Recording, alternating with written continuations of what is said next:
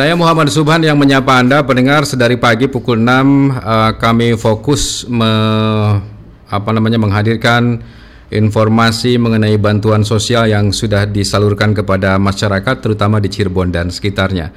Ada beberapa WhatsApp yang dikirimkan oleh pendengar uh, nanti kami akan bacakan kembali untuk Anda dan mungkin um, narasumber bisa menanggapi walaupun bisa saja laukusnya tidak di tempat uh, narasumber yang kami hadirkan begitu ya.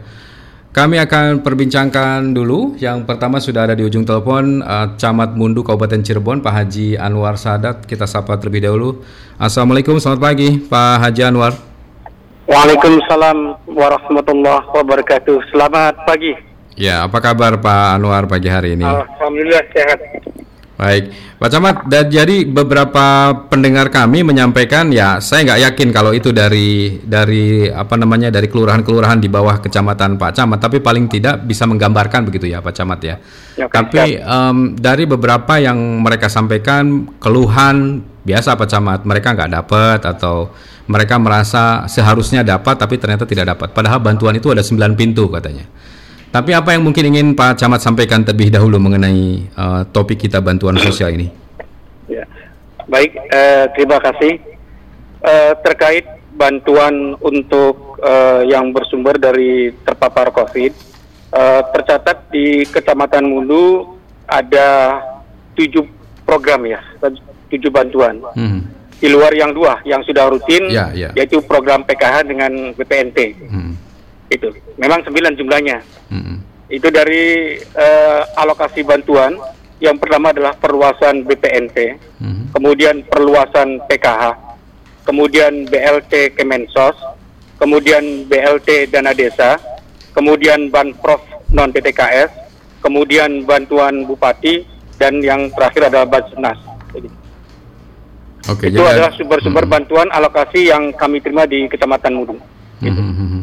Dan tujuh bantuan itu sebenarnya sudah disalurkan sejauh ini ya, Pak Anwar? Uh, untuk wilayah Kecamatan Mundu sampai terakhir uh, kemarin uh, bantuan Pak Bupati hmm. itu uh, hampir seluruh uh, saya uh, apa istilahnya mendeadline untuk Kecamatan Mundu tidak ada lagi warga masyarakat yang khususnya uh, miskin atau yang terpapar dengan COVID itu semuanya sudah menerima bantuan. Oh, Oke. Okay.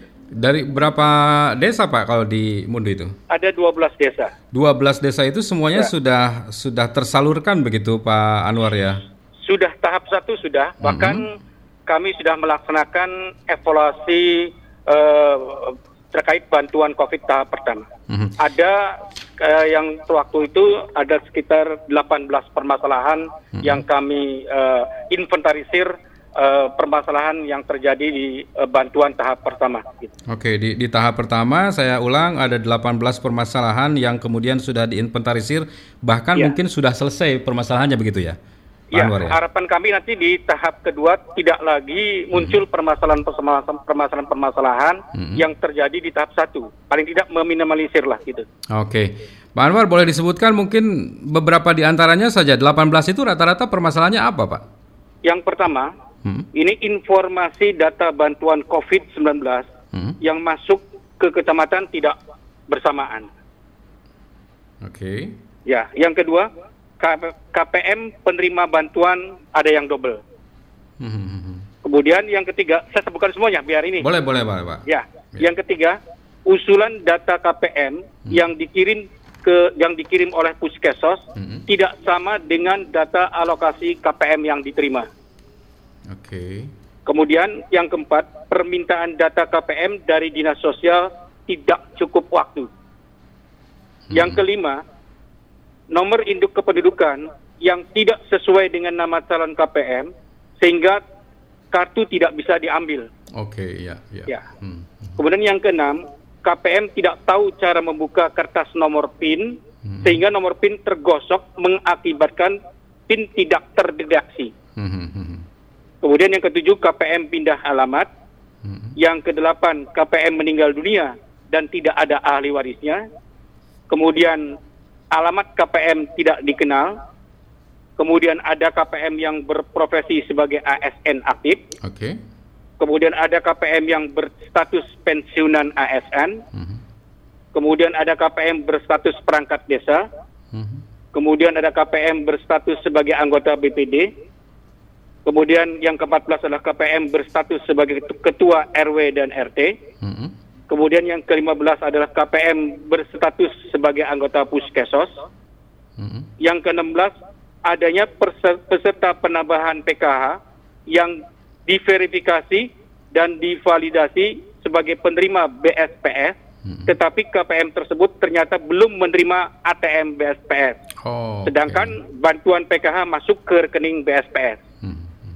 Yang ke-17, setelah verifikasi dan validasi penambahan PKH, banyak KPM yang sudah tidak layak menerima bantuan. Mhm. Artinya rumahnya mewah, mobilnya banyak, Ya. sebagai penerima PKH dan masih aktif sebagai penerima PPNT.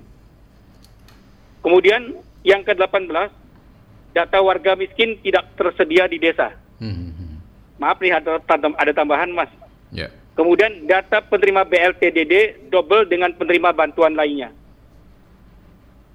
Kemudian KPM pindah alamat akan tetapi KTP-nya masih tercatat di desa awal. Tersebut. Oke, baik. Ya. Mhm. Kemudian KPM pindah alamat tetapi masih tercatat sebagai penerima di desa yang semula. Mhm. Itu barangkali permasalahan-permasalahan yang kami eh, inventarisir terjadi dalam bantuan tahap persana tahap pertama COVID-19 di Kecamatan Mundu. Baik, baik. Ya. Em, Pak Camat, terima kasih sekali ini datanya. Tapi em, beberapa di antaranya saya bisa menyimpulkan ini persoalan administrasi kalau begitu. Mereka pindah alamat nggak bilang-bilang, mereka sudah meninggal masih terdata dan lain sebagainya. Sebenarnya Ya. pendataan ketika eh, bantuan ini akan akan dikucurkan itu ada pendataan ulang atau menggunakan data yang lama, Pak? Data eh, menurut informasi yang kami dapat itu adalah data tahun 2015. Oke. Mhm. Ya. Artinya kan dari 2015 ke 2020 bisa jadi beberapa di antaranya sudah meninggal, sudah pindah dan lain sebagainya seperti yang tadi Ya. disebutkan Pak Anwar Sadat kan? siap. Ya, Nah, oke. Eh, kalau kemudian di tahap kedua ini kita menginginkan tidak terjadi lagi 18 permasalahan itu eh, sejauh ini apa yang terus dikebut Pak? Ya, sekarang untuk eh, menjelang pendaft- apa peluncuran atau distribusi tahap kedua, para puskesmas sedang melaksanakan pendataan ulang. Sehingga beberapa jenis bantuan yang harusnya diluncurkan pada awal-awal Juli sementara ditangguhkan menunggu data yang otentik dari puskesmas. Oke, oke. Pak, kalau data-data yang tadi double, Pak, itu kan sebenarnya kan kita punya tujuh bantuan ditambah dua bantuan lagi yang tadi sudah disebutkan ya, Pak Anwar ya. Ya, Kenapa mereka masih double terdata, Pak? Di di bantuan pintu pertama dia dapat, di pintu berikutnya dia dapat juga dan lain sebagainya. Dan ini faktanya ternyata banyak juga ini masyarakat yang mengeluhkan soal ini. ya untuk di Kecamatan Mundu eh, yang double kita bisa minimalisir ya. Mhm. Karena eh, bantuan-bantuan sebelum turun kita sudah punya by name and address. Sehingga kalau eh, KPM sudah menerima bantuan, kita pindahkan ke alamat atau ke KPM yang lain begitu. Mhm. Em, kasus-kasus terjadinya double, akhirnya bagaimana itu Pak? Nasib bantuannya, akhirnya ditangguhkan, ditangguhkan atau dipindahkan Pak? Dipindahkan. Oh, Contohnya ada oke. ASN yang aktif, eh, kami camat langsung turun ke KPM tersebut Mhm. dan beliau mengerti, mangga Pak Camat silakan diganti dengan yang lain, Hmm, termasuk gitu yang ya. pensiunan. Iya. Nah ini tapi ini menarik Pak. Kalau kemudian pemindahannya bisa secepat itu, bisakah kemudian eh, apa namanya perubahan data bisa seharusnya kan bisa secepat itu juga kan? Perubahan data secara eh, keseluruhan sekecamatan misalnya. Ya, sangat bisa. Kalau memang nama-nama bantuan itu sudah turun, tapi jenis bantuan atau komoditinya belum turun, sehingga kita buat eh, perubahan data dengan eh, usulan dari Pak Mm-mm. dan mengetahui Pak Camat. Oke, itu butuh waktu berapa lama Pak sampai kemudian nama-nama itu juga diajukan ke provinsi misalnya? Kalau ini bantuannya bantuan provinsi misalnya? Ya, kemarin bantuan provinsi tiga hari bisa diganti, Pak. Oh, dalam waktu itu, dalam waktu secepat Iya. itu bisa diganti sebenarnya? Bisa, bisa diganti. Asal ada surat tanda tangan dari Pak Kuwu dan mengetahui Pak Camat. Oke, kalau begitu Pak, mungkin ya ini mumpung kita lagi mengudara ya Pak Camat ya, karena mungkin Ya, Pak Camat bisa mewakili camat-camat yang lain begitu. Eh, Kalau kemudian ada hal-hal seperti ini, apa yang pertama kali masyarakat harus lakukan ketika dia sangat yakin betul dia sudah menyampaikan data-data KTP, KK dan seterusnya, tapi dia nggak dapat. Apa yang dilakukan pertama kali? Ya, permasalahan uh, KTP dan KK hmm. ini kan memang sudah ada by name by address ya dari sana. Ya, ya, ya. Jadi kalau bisa masyarakat segera uh, hubungi hmm. uh, terkait jenis bantuannya apa. Kalau memang itu berasal dari perluasan PKH, hmm. uh, kita ikuti atau datangi uh, pendamping PKH. Hmm. Kalau memang BPNT, datangi TKSK. Okay. Kalau memang itu bantuan dari Banprof, datangi Puskesos. Gitu. Hmm. Oh gitu ya. Dari 12 desa di bawah kecamatan Pak Anwar Sadat, apakah juga ada desa-desa yang menurut Pak Camat masih lamban begitu untuk mengatur uh, bansos ini, Pak? Uh, untuk di wilayah Kecamatan Mudu, kami sangat mengapresiasi dan acungkan acungan kalau ada 10 jempol 10 jempol, Pak. Hmm, Puskesmasnya gitu ya? kita di kita hmm. sudah solid. Puskesmas dengan pendamping PKH hmm. kemudian BPNT juga pendamping desanya uh, untuk khusus wilayah Kecamatan Mudu hmm. saya yakin cukup solid begitu. Oke, ini mudah-mudahan nanti juga ya. uh, di tahap kedua akan bisa berlangsung lebih lancar ya Pak Camat ya. Amin. Tahap kedua rencananya kapan Pak?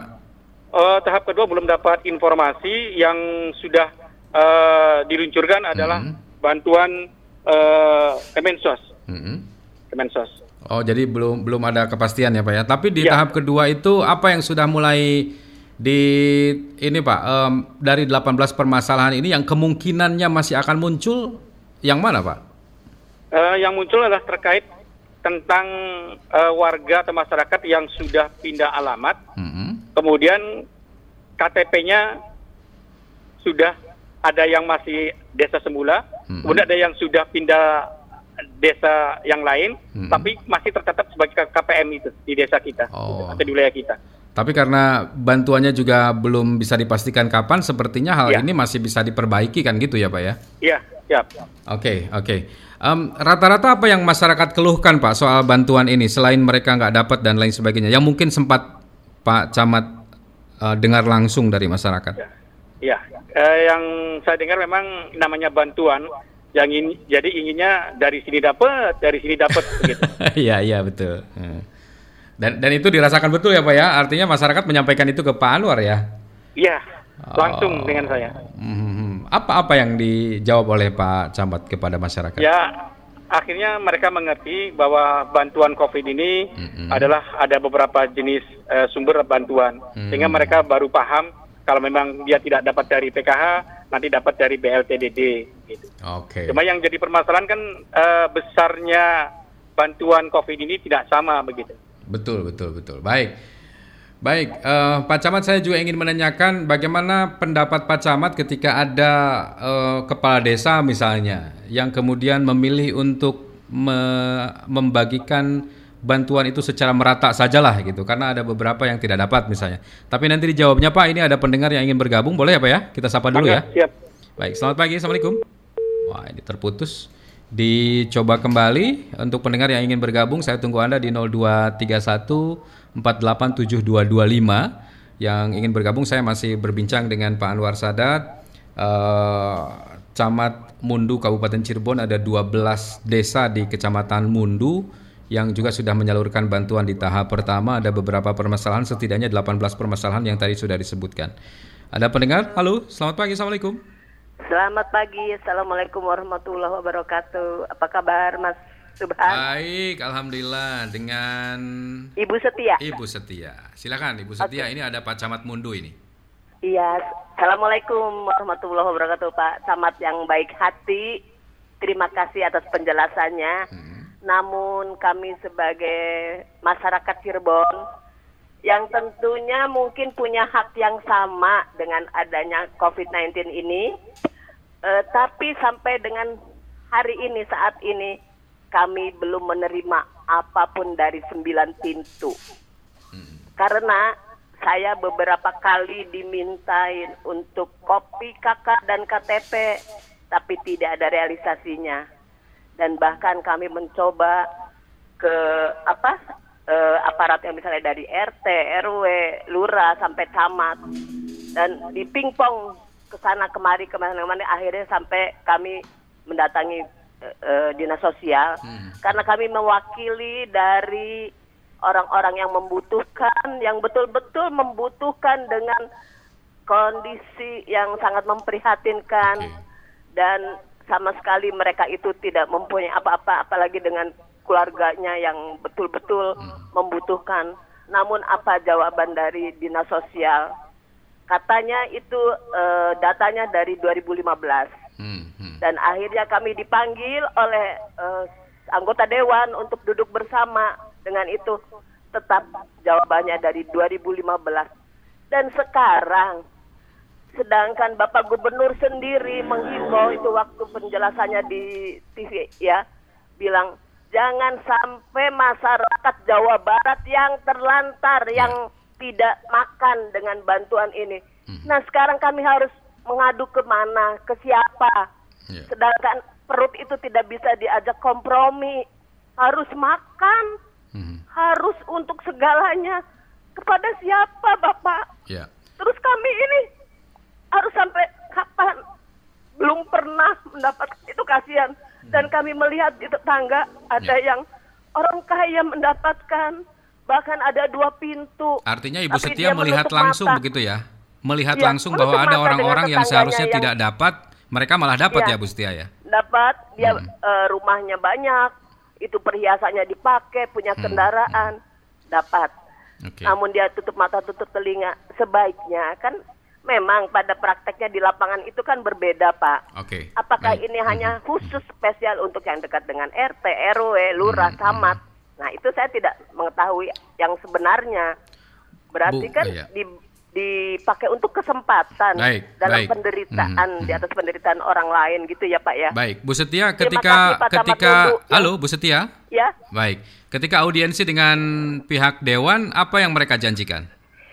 Dia hanya memberi uh, sembako terutama kepada saya hmm. karena saya mungkin yang yang banyak kasak kusuk untuk mewakili uh, hmm. saudara-saudara saya yang tidak mendapatkan sama sekali.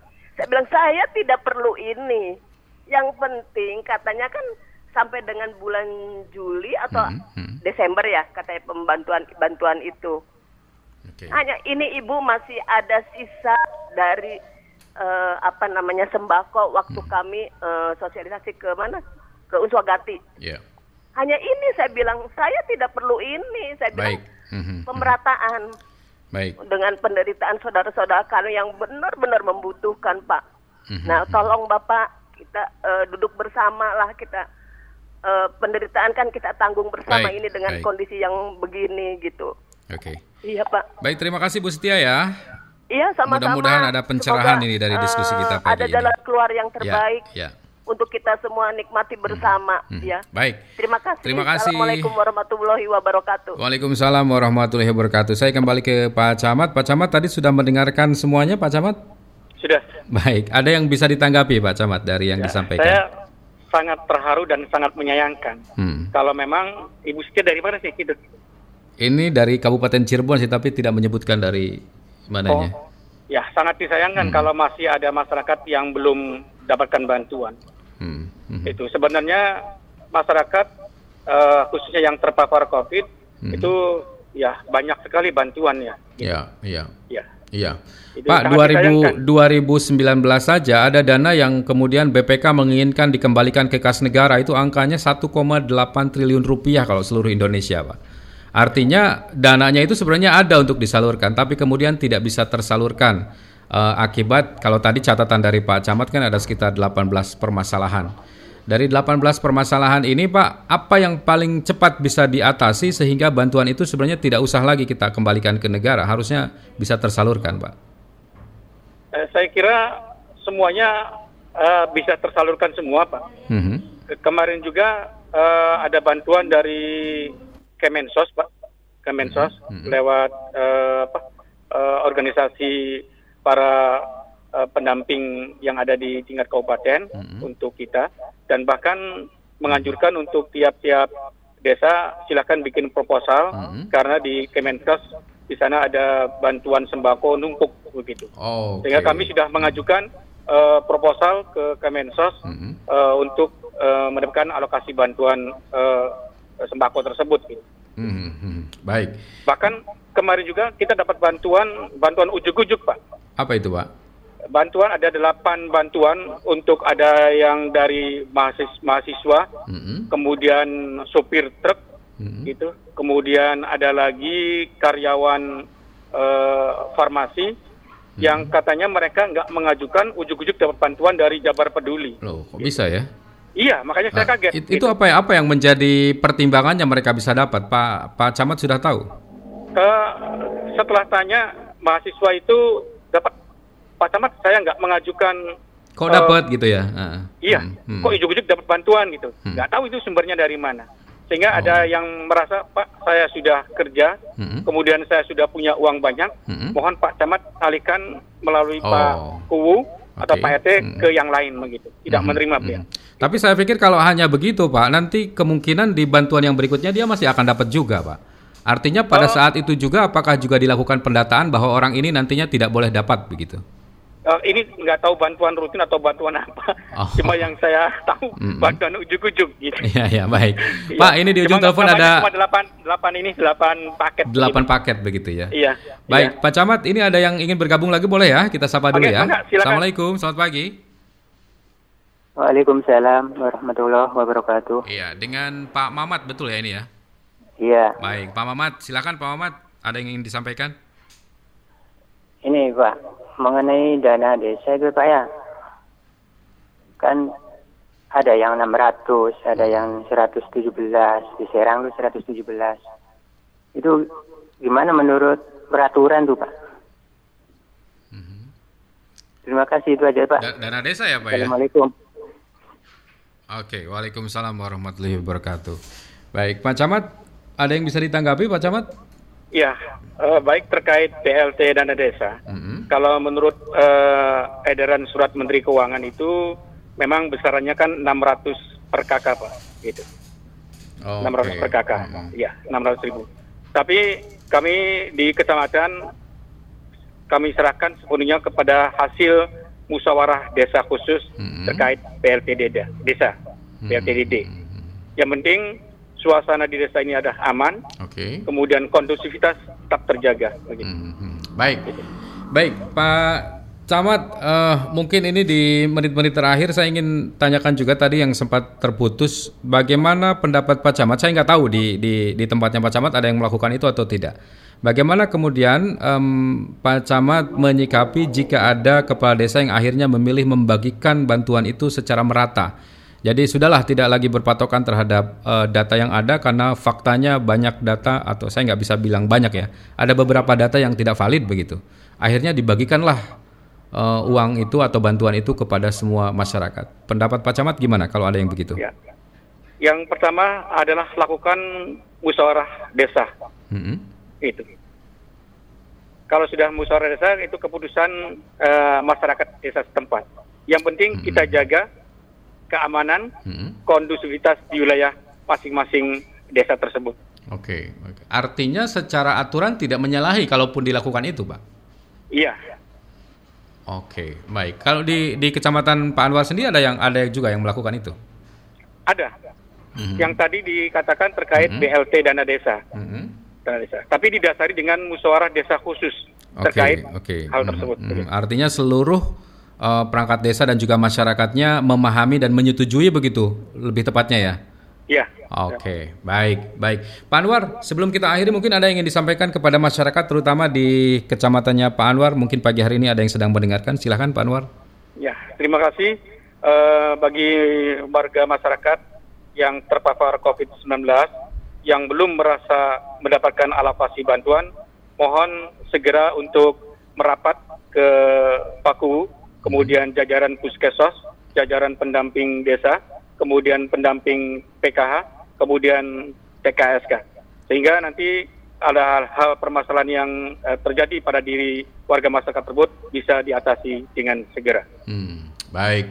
Pak Haji, terima kasih sekali waktunya pagi hari ini. Mudah-mudahan ini bermanfaat untuk semuanya dan mudah-mudahan di tahap berikutnya permasalahan ini uh, bisa terselesaikan dengan baik ya, Pak Haji ya. Ya. Baik, terima Amin. kasih. Selamat pagi. Assalamualaikum, Pak Camat. Selamat pagi. Assalamualaikum warahmatullahi wabarakatuh. Waalaikumsalam warahmatullahi wabarakatuh. Pak Haji Anwar Sadat, uh, Camat Mundu Kabupaten Cirebon. Kami berbincang terkait dengan bantuan sosial yang sebagian Anda mungkin sudah merasakannya, mendapatkannya, tapi juga sebagian lain masih belum uh, mendapatkannya.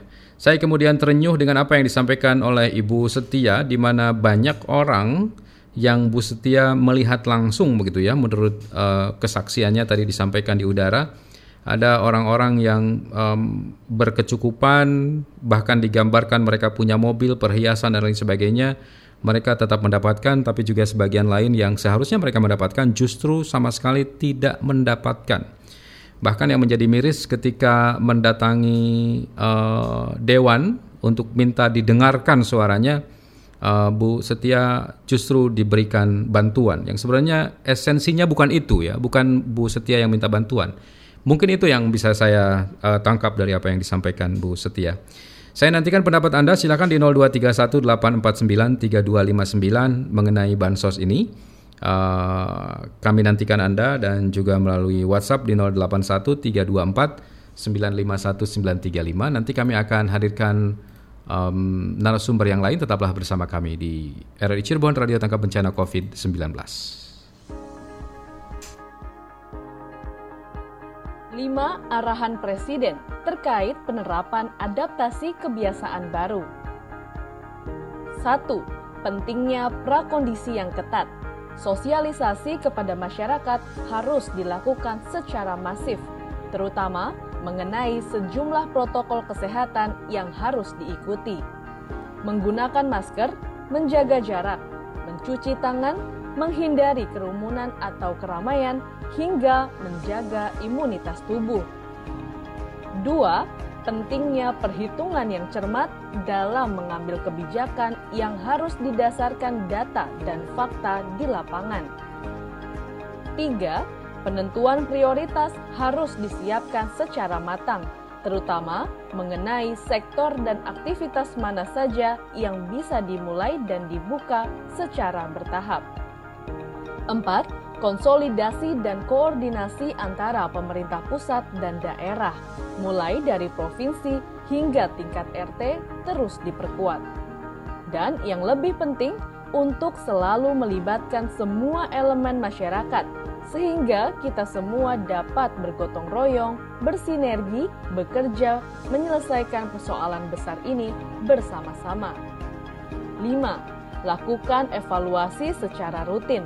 Meskipun sebuah daerah kasus barunya sudah mulai menurun, Presiden tetap mengingatkan agar jajarannya tidak lengah, terutama karena kondisi di lapangan masih sangat dinamis.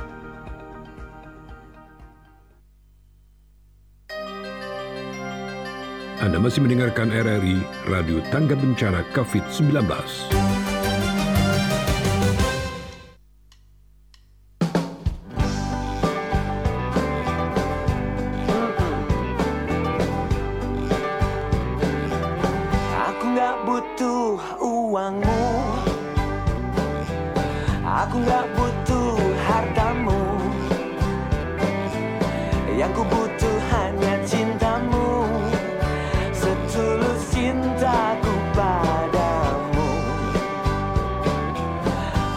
Nggak mau warisanmu. Aku nggak mau kekayaanmu. Yang ku mau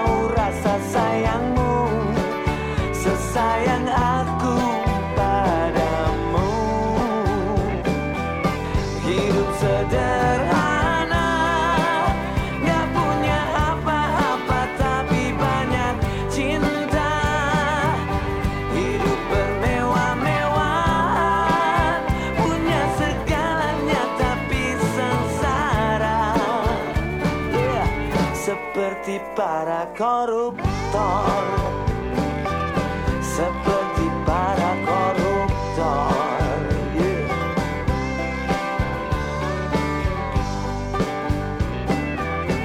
Aku nggak perlu make upmu. Aku nggak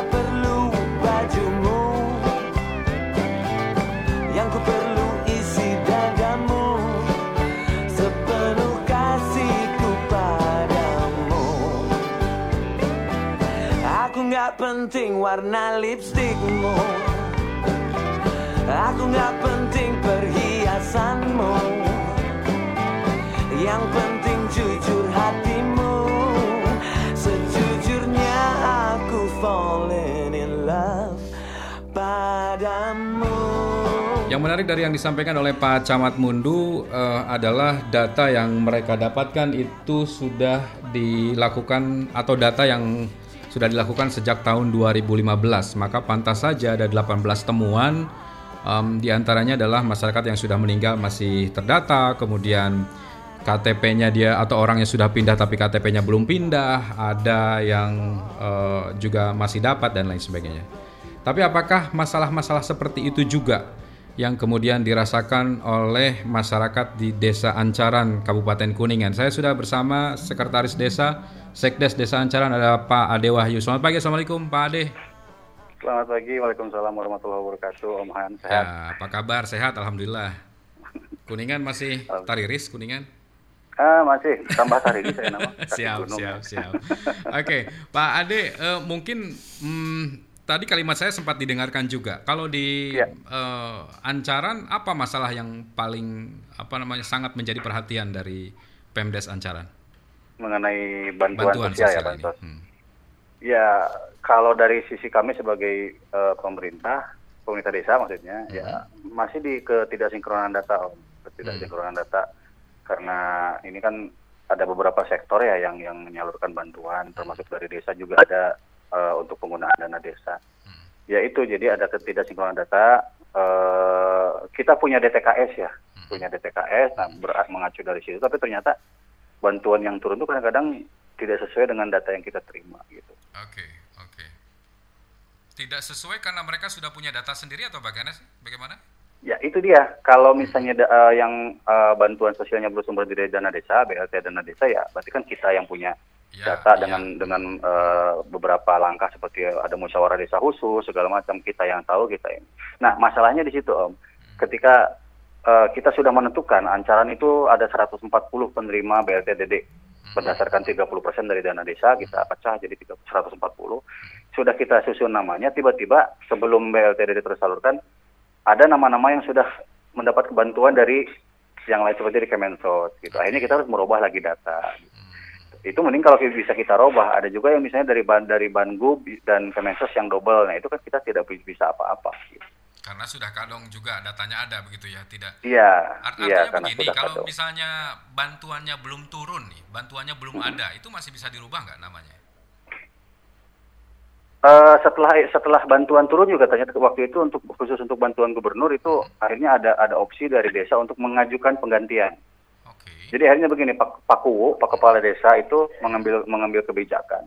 Ketika ada yang sudah dapat BPNT misalnya Mm-mm. atau dapat sembako, terus dia dapat dari Bangub, disuruh milih, Mau yang mana? disuruh milih, ah, dan biasanya mereka memilih untuk tetap di BPNT karena BPNT kan kontinu ya, tidak hanya sebatas Ya, eh, ya. penanganan coronavirus Covid. kan. Hmm, hmm. Nah, jadi nah yang itunya itu kita kita eh, berdasarkan persetujuan dan instruksi dari bupati eh, gubernur akhirnya ya kita ajukan untuk diganti gitu. Ada ada opsi untuk eh, penggantian gitu, opsi untuk diberikan yang lebih berhak Dan yang pada belum saat mendapatkan. itu juga em, bentuk fisik bantuannya bisa disalurkan kepada yang lain yang sudah diganti itu. Atas kebijakan Pak Kepala Desa iya waktu itu karena kita tidak mau ada double Mhm. dan memang eh, masih ada yang membutuhkan. Jadi kita tuh membuat data skala prioritas om khusus desa Ancaran tuh Oke. eh, s- skala kemiskinan satu sa- satu sampai tiga lah gitu ya. Nah kita bikin nanti kalau ada yang di skala satu skala termiskin belum dapat otomatis kita berikan ke yang bersangkutan. Oke, Gitu. oke. Nah, ini saya menarik soal kemudian eh, Pemdes mengambil kebijakan itu ya. Ah, kebijakan yang kemudian diambil mengalihkan bantuan ke dari si A ke si B atas berbagai macam alasan begitu ya. Itu sebenarnya dikuatkan oleh sebuah peraturan dari Pemda atau kebijakannya ya sudah ini kebijakan saya sebagai kepala desa gitu atau Ya, bagaimana? Pak Kuhu berani mengambil kebijakan itu bu- bukan dari Pemda sih waktu itu ada instruksi juga dari Oh, melalui atas melalui instruksi kecamatan. begitu ya? Ya ada instruksi. Lah kalau kalau kemudian nih, saya nggak tahu nih Pak Pak Ade bisa menanggapi atau tidak. Kalau kemudian ada sebuah desa yang mereka nggak mau melakukan itu karena takut disalahkan misalnya dan lain sebagainya, akhirnya ya double ya double gitu, yang nggak dapat ya nggak dapat. Apa yang bisa ditanggapi dari itu? Ya kalau saya pikir ka- kalau sudah ada instruksi ya kenapa tidak ya waktu sudah ada instruksi khusus yang waktu itu yang bantuan gubernur. Ken- kenapa tidak begitu. Kita hanya berusaha gini om eh, dengan cara dan dan eh, Upaya ya. langkah kita masing-masing berusaha agar bantuan ini sampai kepada yang berhak dan tidak ada kecemburuan sosial. Walaupun sebetulnya sampai sekarang juga masih ada saja sih hal seperti ya. itu kecemburuan sosial. Kita berusaha semaksimal mungkin seoptimal mungkin dan setransparan mungkin gitu Apakah juga masih ada nih sampai sekarang misalnya orang masih nganggap bahwa bantuan ya untuk orang-orang terdekat sajalah, untuk orang-orang terdekat dengan aparat desa misalnya. Masih ada orang yang mengatakan begitu. Kalau sekarang sudah mulai memudar anggapan seperti itu, cuman yang masih kuat adalah eh, mungkin kuat dari kuat dari yang beredar bahwa semua berhak mendapat bantuan, semua terdampak coronavirus. Jadi yang yang dalam dalam menurut eh, penilaian masih mampu juga ya merasa karena ada istilah semua berhak ya kadang-kadang datang ke desa saya belum dapat pernah dapat bantuan apa pun misalnya begitu. Apakah juga dilakukan nih eh, Pak Ade? Akhirnya lah kalau karena semua orang menganggap bahwa saya terdampak dan saya harus dapat bantuan, akhirnya eh, terfikir untuk ya sudah kita bagikan rata saja tanpa eh, mengikuti aturan yang ada misalnya satu orang harus mendapat sekian gitu. Tidak om, tidak seperti beg- begini. Eh, yang eh, BLTDD bantuan langsung tunai dana desa itu kan ditetapkan 600 ribu ya 600 ribu per, per per kakak gitu kan per per, ming- ke- per bulan gitu. Nah itu memang dulu sempat ada usulan eh, untuk dibagi rata untuk tiga orang. Cuman karena emang setelah kita konsultasikan regulasinya sangat sangat right, sangat sangat kuat bahwa tidak boleh berkurang lebih dari itu, akhirnya ya udah kita kita tetap ikuti aturan aja waktu itu. Nah, terus mengenai tadi eh, pertanyaan mengenai dibagi aja, dibagi. Ba- jangankan untuk yang yang kita nilai masih dalam tahapan eh, mampu ya, yang tidak mampu aja masih ada satu dua yang saya saya perhatikan belum dapat bantuan reguler om. Gitu. Kita kita sekarang tuh mengupayakan dengan mengajukan eh, salah satunya input di eh, Sapa Warga, data Sapa Warga itu, ya, yang bantuan bupati, eh bantuan provinsi maaf. Oke, oke. Baik, em, tapi sejauh ini di Ancaran sendiri tidak ada ya akhirnya yang mendapatkan double bantuan begitu. Sepe- kalau di awal ada waktu yang tahap pertama itu ada. Cuman untuk tahap kedua eh, kemarin terakhir saya tanya ke Pak Kestra sih karena sudah dialih-alihkan karena sudah kita usulkan untuk dialihkan eh, sejauh ini tidak ada. Om. Oke. Sebenarnya kalau secara administrasi nih Pak Ade, em, seseorang yang kemudian meninggal misalnya, saya nggak tahu kalau Hmm. di Ancaran atau ada atau tidak ya. Misalnya mereka Hmm. meninggal tapi masih dapat. Itu kan data 2015 tuh. Iya. Sebenarnya seberapa cepat data itu bisa di-upgrade sehingga data-data itu bisa hilang tergantikan dengan data yang baru? Tergantung sih Om ya. Kayak begini yang bantuan yang bantuan gubernur itu ada Om karena emang datanya eh, beberapa tahun ke belakang. Ada juga di Ancaran waktu itu yang yang sudah meninggal masih mendapat Masih bantuan. dapat juga. Mm-mm, Nah, terus waktu itu bahkan sebetulnya sebelum bantuan gubernur tahap pertama turun, kami diminta untuk mengirimkan data waktu itu melalui eh, dinsos ya, melalui dinsos kerjasama dengan operator eh, operator yang dipercaya oleh dinsos waktu di desa. Nah, kita mengirimkan yang lucunya data yang kita kirim itu sama sekali tidak sama dengan data yang turun. Gitu. Oke. Setelah Ah. dikonfirmasi apa masalahnya? Mereka pakai data lama biasa, begitu. Iya, tapi maksud saya kenapa pakai data lama sedangkan kami waktu itu dikejar-kejar ada deadline harus mengirim data paling lambat jam sekian. Kami sudah memenuhi eh, apa deadline tersebut tapi tidak digunakan datanya. Ngapain dikejar-kejar kalau kemudian yang dipakai data lama kan gitu kan?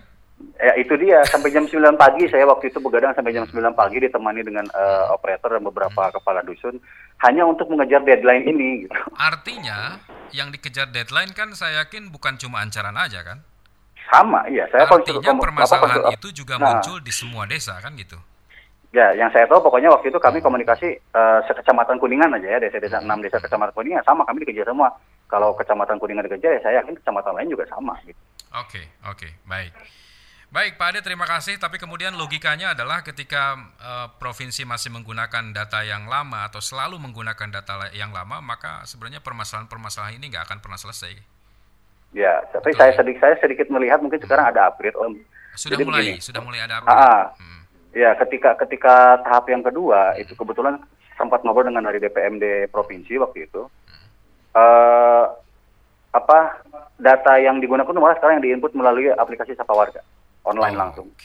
Baik. Jadi Dan data itu yang memang benar-benar saya lihat dikirim ada gitu ya. Iya, betul. Data yang benar-benar dikirim em, terakhir begitu oleh desanya begitu ya. Iya, yang yang yang saat ini saya lihat waktu kami waktu itu menginput berapa nama dan ternyata dap- di di bantuan berikutnya mereka dapat. Oke. Baik Pak Ade, terima kasih sekali waktunya untuk RRI pagi hari ini. Mudah-mudahan Ya, di sama-sama. ya, apa namanya eh, pada periode berikutnya sudah tidak ada lagi permasalahan soal bansos ini ya Pak Ade ya. Amin, amin, amin. Baik, amin. semangat terus Pak Ade. Salam buat teman-teman Siap. yang ada di Pemdes. Selamat pagi, Ya, Assalamualaikum. Waalaikumsalam. Warahmatullahi wabarakatuh. Ya, saya berbincang dengan Pak Ade Wahyu, eh, Sekretaris Desa Ancaran Kabupaten Kuningan, yang juga merasakan hal yang sama ya, ketika ada data-data yang dikirim, eh, dikejar deadline harus dikirim, tapi rupanya justru bantuan turun kepada mereka dengan data lama gitu ya. Jadi makanya kemudian tadi saya sempat memotong sedikit. Apa gunanya kita dikejar-kejar kalau kemudian eh, bantuan dikirim tetap ke penerima data-data yang lama, di mana data lama itu sudah ada yang meninggal, sudah ada yang berpindah alamat, sudah ada yang jadi kaya misalnya kan gitu. Bisa kan? 2015 dia masih keluarga miskin, tiba-tiba didata kembali di 2020 ternyata sudah kaya raya begitu. Bisa saja terjadi.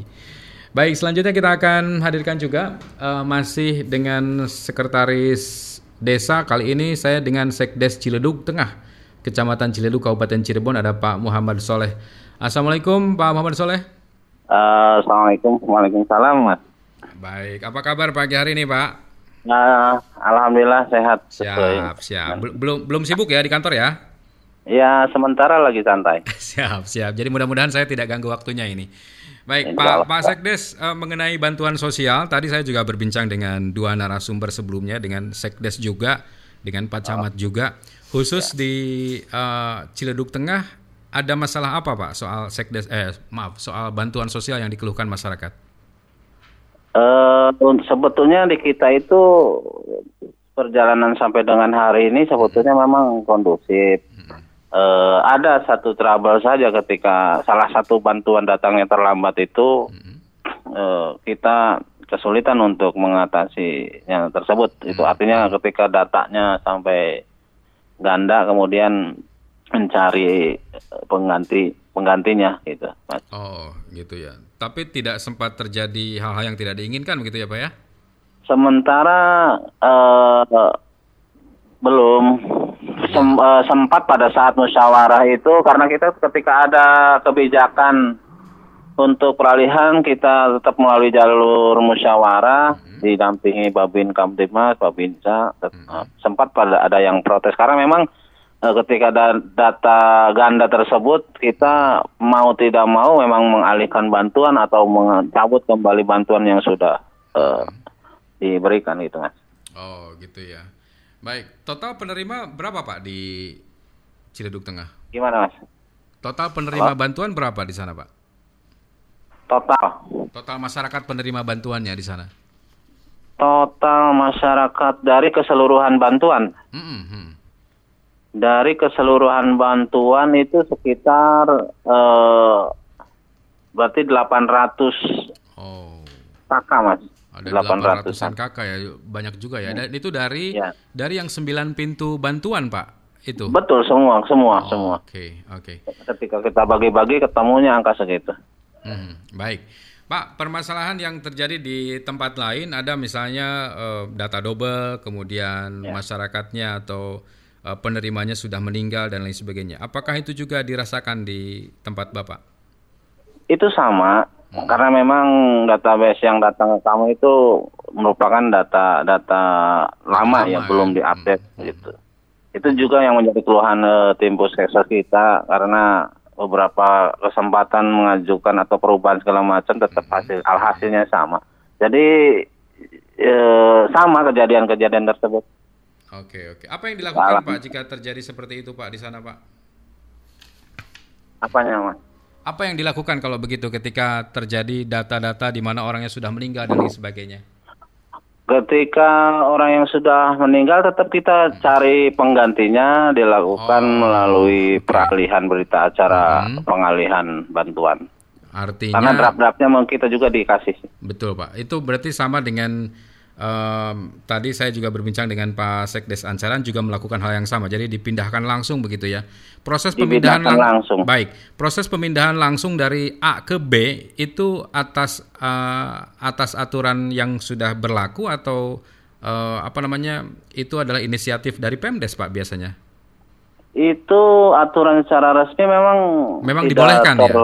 Tidak ter ini ya. Hmm, Cuma ke uh, ada satu draft-draft tertentu ketika untuk peralihan kita memang difasilitasi ya. Oke, baik. Iya. Baik, saya bacakan satu WA mungkin Pak kita bisa bahas ya Pak ya. Ini dari Boleh. Oh, ini mungkin bukan dari tempatnya Pak Soleh tapi mungkin bisa ditanggapi ini dari Pak Awang di Ciperna. Saya sudah berulang kali tanyakan ke pihak-pihak yang berkaitan dengan penyaluran dana bantuan tentang penetapan nama-nama yang menerima bantuan. Dasarnya dari mana sehingga datanya tidak sesuai dengan di lapangan. Dari RT Iya. saya cek benar, ke desa saya cek juga benar. Tapi kenapa begitu waktunya melenceng jauh? Apa copy paste atau bagaimana itu, Pak? Eh, itu si penulis ah, ini posisinya sebagai apa pak? Maksudnya, Nah, ini masyarakat saja sepertinya ini. Hmm. Oh, ya memang eh, masyarakat karena memang barangkali beba, beda pemahaman antara kita di Oh, pemerintahan oke. desa gitu ya. Oke, oke. Uh, kemudian eh, kesulitan memang memang fakta di lapangan begitu. Mm-mm. Eh, masyarakat pasti berpikiran ini siapa yang mendata. Mm-mm. Gitu. Mm-mm. Termasuk juga Data. ketika masyarakat akhirnya berpikiran bahwa yang dapat tuh yang dekat-dekat dengan aparat desa begitu ya. Nah itu itu memang eh, muncul pasti begitu karena memang data kita ngawur gitu. Eh, satu satu dari saya Mm-mm. eh, data yang fix betul-betul hasil eh, penelusuran desa mengenai keluarga yang eh, wajib dibantu oleh bantuan adalah dari dana BLT dana desa mas. Karena Ah, Oke. selain dari dana tersebut Mm-mm. itu hampir semua kacau gitu datanya. Mm, mm, mm, mm, mm. Itu, Baik. itu memang yang yang yang yang kita terima imbasnya imbasnya imbasnya tetap eh, pemikiran atau paradigma masyarakat pasti Nyalahinnya ya ke Ah, perangkat desa begitu. kan gitu. begitu. Tapi tentu eh, perangkat desa juga tidak mau disalahkan ketika masyarakat eh, dengan serta-merta mengatakan ini salah salah dari pendataan di perangkat desa begitu ya. Apa yang harus dilakukan seharusnya di tahap-tahap berikutnya, Pak? Memperbaiki data cukupkah atau bagaimana? Perbaiki data sebetulnya sudah dari awal pun kita selalu Contilu Tengah itu memang selalu eh, koordinasi terus dengan dinas sosial dan sebagainya. Mhm. Tapi langkah kita yang yang paling yang paling ya alhamdulillah berhasil itu kita selalu selalu mengaktifkan eh, relawan eh, satgas Oh. covid karena memang bantuan ini kan pada saat pandemi covid ini ya Mhm, mhm. Oh, jadi yang diaktifkan adalah Artinya- relawan-relawannya begitu ya. Artinya ketika Satgas Covid ini terdiri dari eh, rata-rata RT dan RW di jalur paling garda terdepan, kita selalu kumpul musyawarah itu mereka mensosialisasikan ke masyarakat langsung secara langsung. Hmm, oke, oke, baik, baik. Em, mudah-mudahan nanti di penyaluran bantuan berikutnya sudah tidak ada lagi permasalahan ya Pak. Harapan kita kan gitu ya. Ya, Baik. insya Allah di Hmm. kita itu insya Allah eh, ya kondusif lah insya Allah. Insya Allah kondusif. Baik, Pak Muhammad Soleh, terima kasih sekali waktunya untuk RRI pagi hari ini. Siap mas. Selamat bertugas kembali Pak Soleh. Assalamualaikum. Waalaikumsalam warahmatullahi Baik, saya berbincang dengan eh, Sekretaris Desa Ciledug Tengah, Kecamatan Ciledug, Kabupaten Cirebon. Dari tiga narasumber yang yang saya hadirkan pagi hari ini, saya bisa menyimpulkan sebenarnya ketika ada data double, ada seseorang yang harusnya mendapatkan satu bantuan, tapi ternyata dia mendapatkan dua atau bahkan tiga bantuan, atau bahkan seseorang yang mendapatkan bantuan itu sudah meninggal. Sebenarnya saat itu juga kepala desa punya hak untuk memindahkan bantuan itu kepada pihak lain yang seharusnya mendapatkan. Nah, tapi apakah itu dilakukan oleh semua kepala desa atau perangkat desa? Apakah juga punya keberanian soal itu? Dan Pak Camat justru mengatakan kalau sudah ada kesepakatan antar uh, perangkat desa dan juga seluruh elemen masyarakat, sebenarnya bantuan itu bisa disalurkan secara merata. Tapi catatannya adalah harus sesuai uh, dengan kesepakatan yang ada di tengah-tengah masyarakat begitu ya. Baik, saat ini sudah pukul 8 lewat 55 menit waktu Indonesia Barat. Kami harus segera akhiri dialog pagi edisi pagi hari ini.